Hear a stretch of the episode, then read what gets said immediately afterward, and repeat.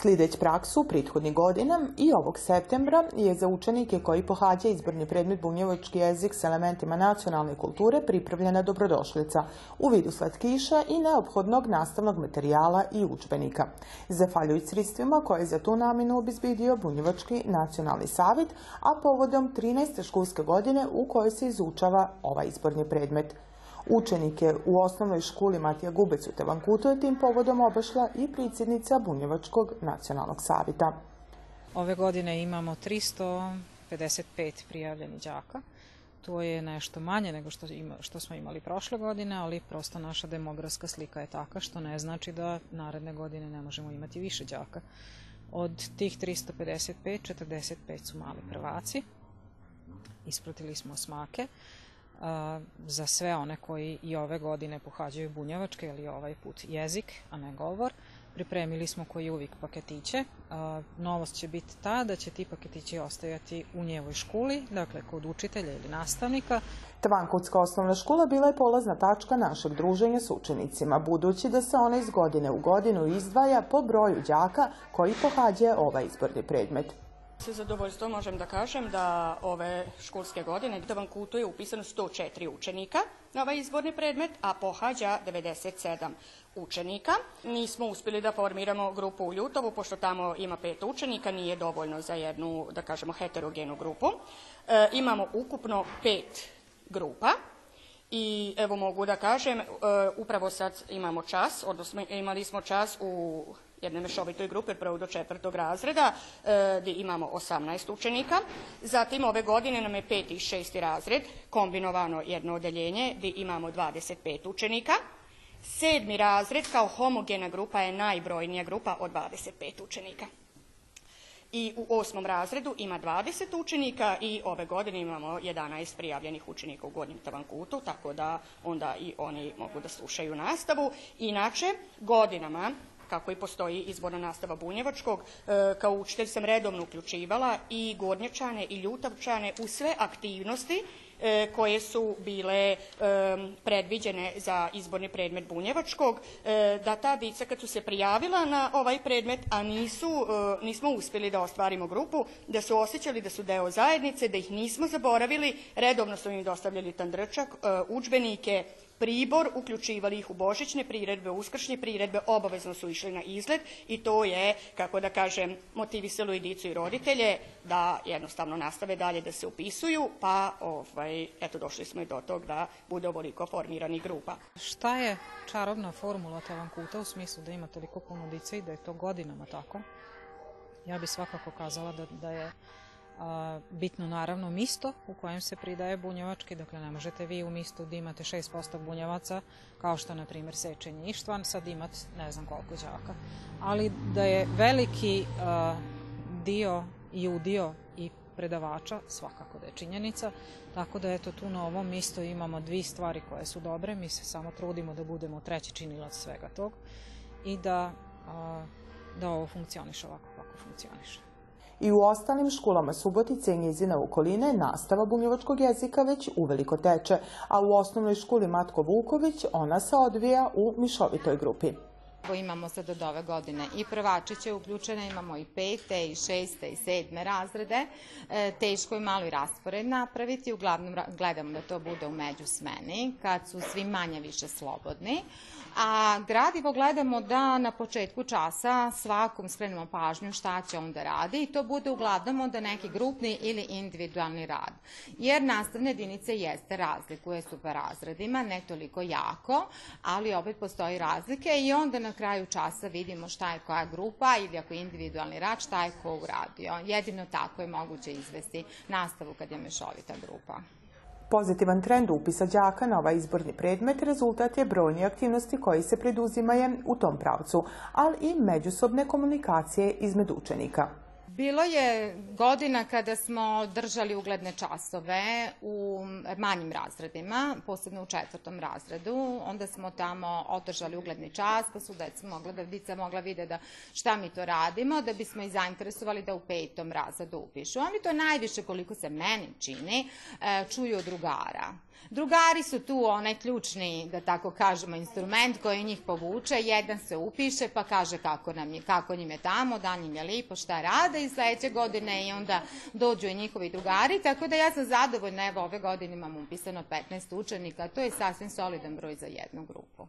Ono što mogu da kažem kao učitelj i što znam kao povratnu informaciju od dice šta je to što ih privlači na časove, to je kako i oni sami kažu, e, nastava im je zanimljiva i brzo im prođe čas. A zašto? Pa ja se služim time u praksi da u toku časa često menjam e, metode i oblike nastavnog rada, što omogućuje jednu dinamiku na času, zatim omogućuje uspešno sticanje znanja na času, a to sve dodatno motiviše učenike da upišu ovaj izborni predmet. Naravno, tu je ljubav prema maternjem jeziku, prema tradiciji i svemu onome što se uči na času bunjevačkog jezika s elementima nacionalne kulture. Sve ovo potvrđivaju i učenici ove dvije škole. Na času bunjevačkog mi pišemo, crtamo, recitujemo, e, pivamo pismice i, i sigramo se. A šta se tebi najviše sviđa? Pa meni se najviše sviđa kad pivamo. Naj, najljepša pesmica je tamo kute moje selo malo. I na času bunjevačkog najviše mi se sviđa kada pevamo, igramo se, učimo nešto novo. A šta je ono što si ti novo naučila? E, ono što sam ja mnogo naučila je da nešto pričam na bunjevačkom, da pevamo lepe pesmice na bunjevačkom i svašta nešto. Je li ovo prvi put da iđeš ova školska godina ili si išla i ranije? I u prvom razredu sam išla. A sad si? Drugi. Idem u sedmi razred i uglavnom krenuo sam na bunjevački od šestog razreda i jednostavno pokrenulo me to što sam teo da naučim. I najviše što volim na ovim časovima je pa to što učimo nove reči i što imam puno drugara. Sad sam drugi put na bunjevačkom. Uh -huh. I kako ti se čini, ili ti se sviđa, šta ti se najveć sviđa? Pa najviše mi se sviđa kad sam dobila ovu malu svesku. Uh -huh. Dobro. A šta crtaš? Pa trtam drvo, kuću, smalića, sunce i list kako pada. Zanimljivoj nastavi i lakom usvajanju gradiva tu što doprinosi i kreativnost pridavača. Svi naši učitelji ili nastavnici mogu zvati na svoje časove nekog ko se bavi starim zanatima, ko se bavi slamarstvom i tako dalje izrade predmeta od e, raznih nekih drugih materijala, eko i tako dalje. Dakle, sve je stvar kreativnosti i tog da mi to finansijski možemo propratiti. Bunjevački jezik s elementima nacionalne kulture koji izborni predmet uveden je 2007-2008. školske godine. Trenutno on se pridaje u 11 osnovnih škola u Subotici i njezinoj okolini.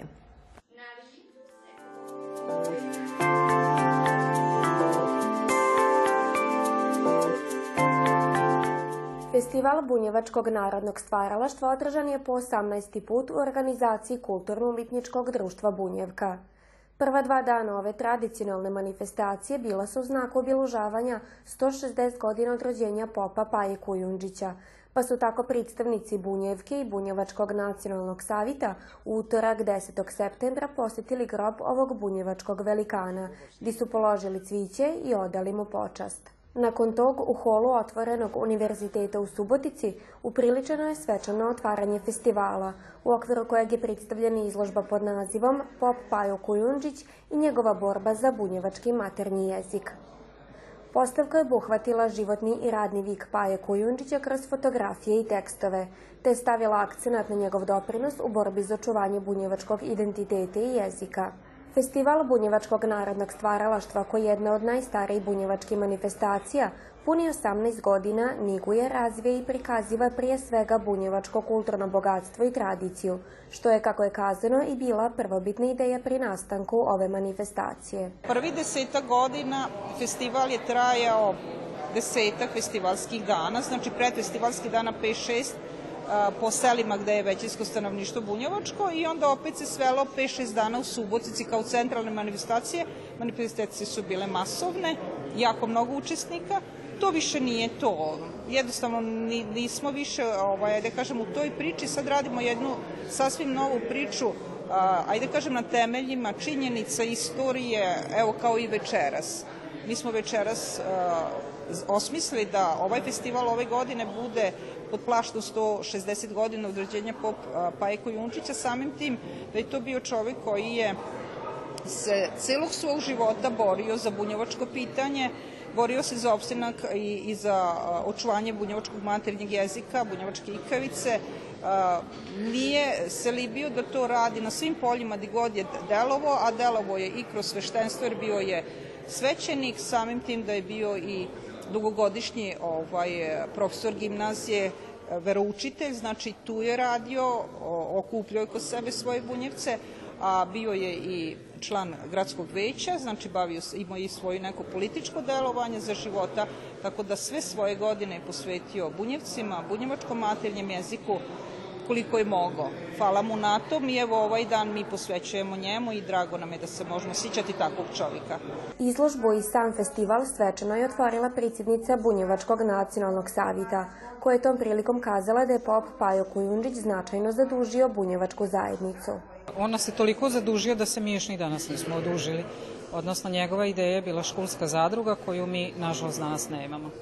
A, ideja je bila da se uvede bunjevački u prvi i drugi razred, eto to smo naravno uspjeli, ali imati školsku zadrugu, odnosno nešto što podupire sve đake koji uče bunjevački, u svakom slučaju bi bila dobra ideja i dobra, stvar koju bi mogli napraviti.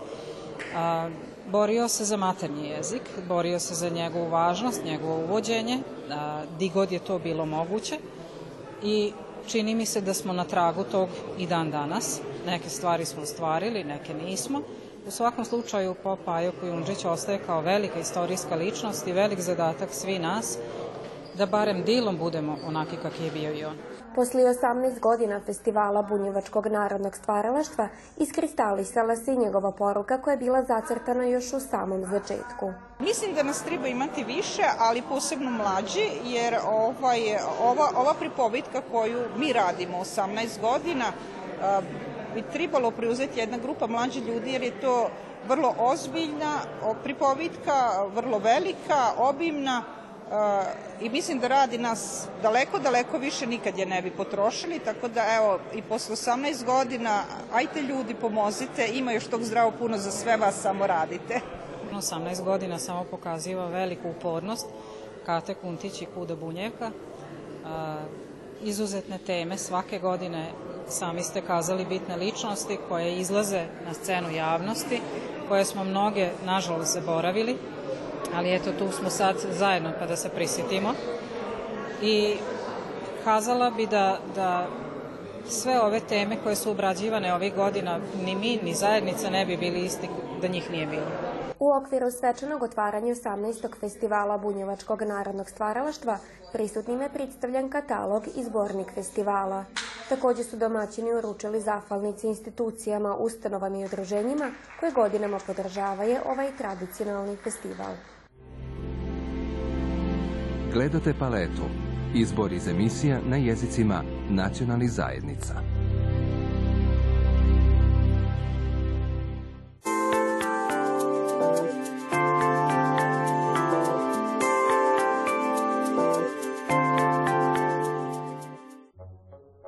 Posle više od 10 godina angažovanja i pokrećanja inicijative da Đuro Stantić, ko prvi subotičanin koji je svoje varoši dono zlatnu medalju sa međuolimpijskih igara dobije zasluženo spomen obilužje, ovog mjeseca ono je konačno i postavljeno.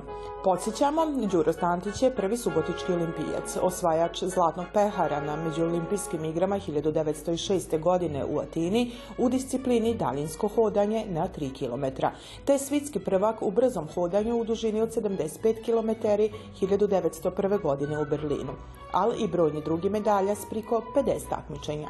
Rođen je u Subotici 1879. godine, a umrao sa svega 40 godina 1918.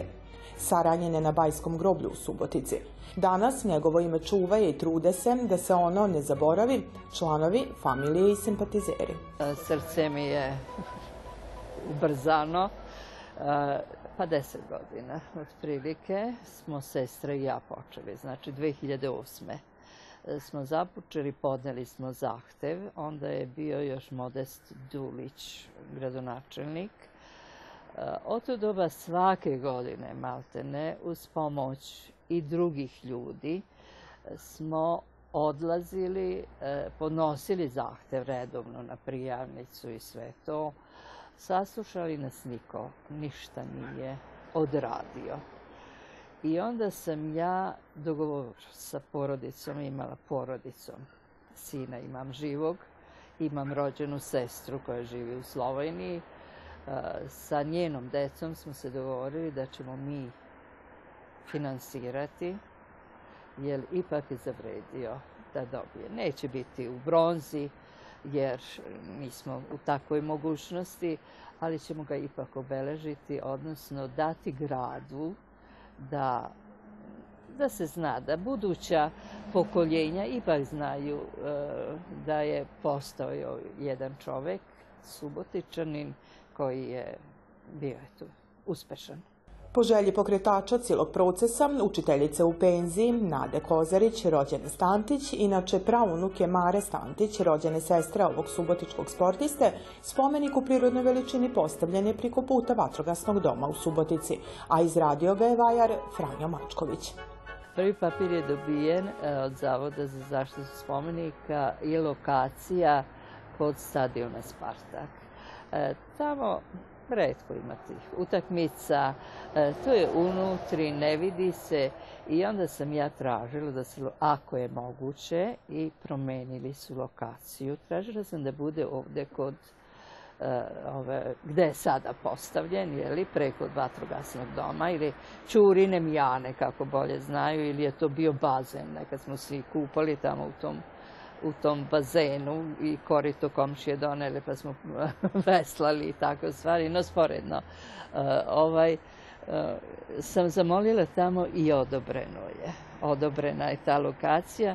Uh, cilj mi je bio da gleda prema kući u kojoj je živeo i da pošto je ovo bio E5 put, pa i sad je, mislim, još zaobilaznica nije napravljena, e, da gleda prema kući, da dočekuje putnike i ispraća koji posle u Zagrebačku idu prema Kelebiji. Tako da ostvario mi se taj cilj i presretna sam. Podizanje spomen obilužja bio je povod da ovom subotičkom sportisti još je daret prodivanima. O njegovom odrastanju, sportskoj karijeri, Ovog puta u njegovoj porodičnoj kući na Beogradskom putu u Subotici u kojoj danas živi naša sagovornica. On je rođen na Salašu, na Šebešiću, ne samom centru Male Baje, nego od Male Baje ima jedan križ što je pravac vodio na Salaš. Međutim, posle su napravili ovu kuću. Ova kuća je bila građena 1872. godine i bila je, bilo je veliko dvorište sve do Svetog Ivana. E, dolazili su e, gosti sa kolima, nije bilo automobila svoje vremeno, sa kolima ovde su ostavljali kočije konje i odlazili su do gradske kuće gde su uglavnom se sklapali poslovi, odnosno nalazili nadničari u to vreme. Inače, e, potiče od oca Stantić Martona i Stipić Marge. Žalim što nisam pre još dok je živa bila njegova sestra Mara, inače moja pramajka ili prababa, ko kako e, ovaj zove, e, što nisam malo više nju pitala. Ali bila sam dete četiri godine kad je Mara umrla. Ima dve sestre, jedno je Mara, jedno je Eržika. Eržika je bila divojka i divojkom je i umrla. Sahranili su je u deset lionskih svila bunjevačkih, a njega su sa svim medaljama sahranili. Početci njegove atletičarske karijere vezani su za anegdotu prvi godina 20. vika, kad se ko mladić pojavio na atletskoj stazi tadašnje Paličke olimpijade u civilnom odilu i čizmama. Dok mu je sestra Mara išla na Roratu, to je prva misa ovde u Kerskoj crkvi, on je za to vreme, znači misa traje 40-45 minuta najviše, za to vreme je on otišao svakidašnji trening mu je bio do Palića i natrag. Hteo je da se takmiči. Bio je onako seljački obučen, čizme i nisu ga primili. A njegova upornost je bila jača. Po priči on je veći krug išao, znači ne ona prva, druga, treća staza, nego veći krug išao i bio je prvi. I tada ga je zapazio e, Matković, trener, koji ga je onda posle i preuzeo i tako je on nastavio svoju karijeru u brzom hodanju. U njegovoj kadgodašnjoj kući i danas se s ponosom čuvaju njegove slike, diplome, predmeti.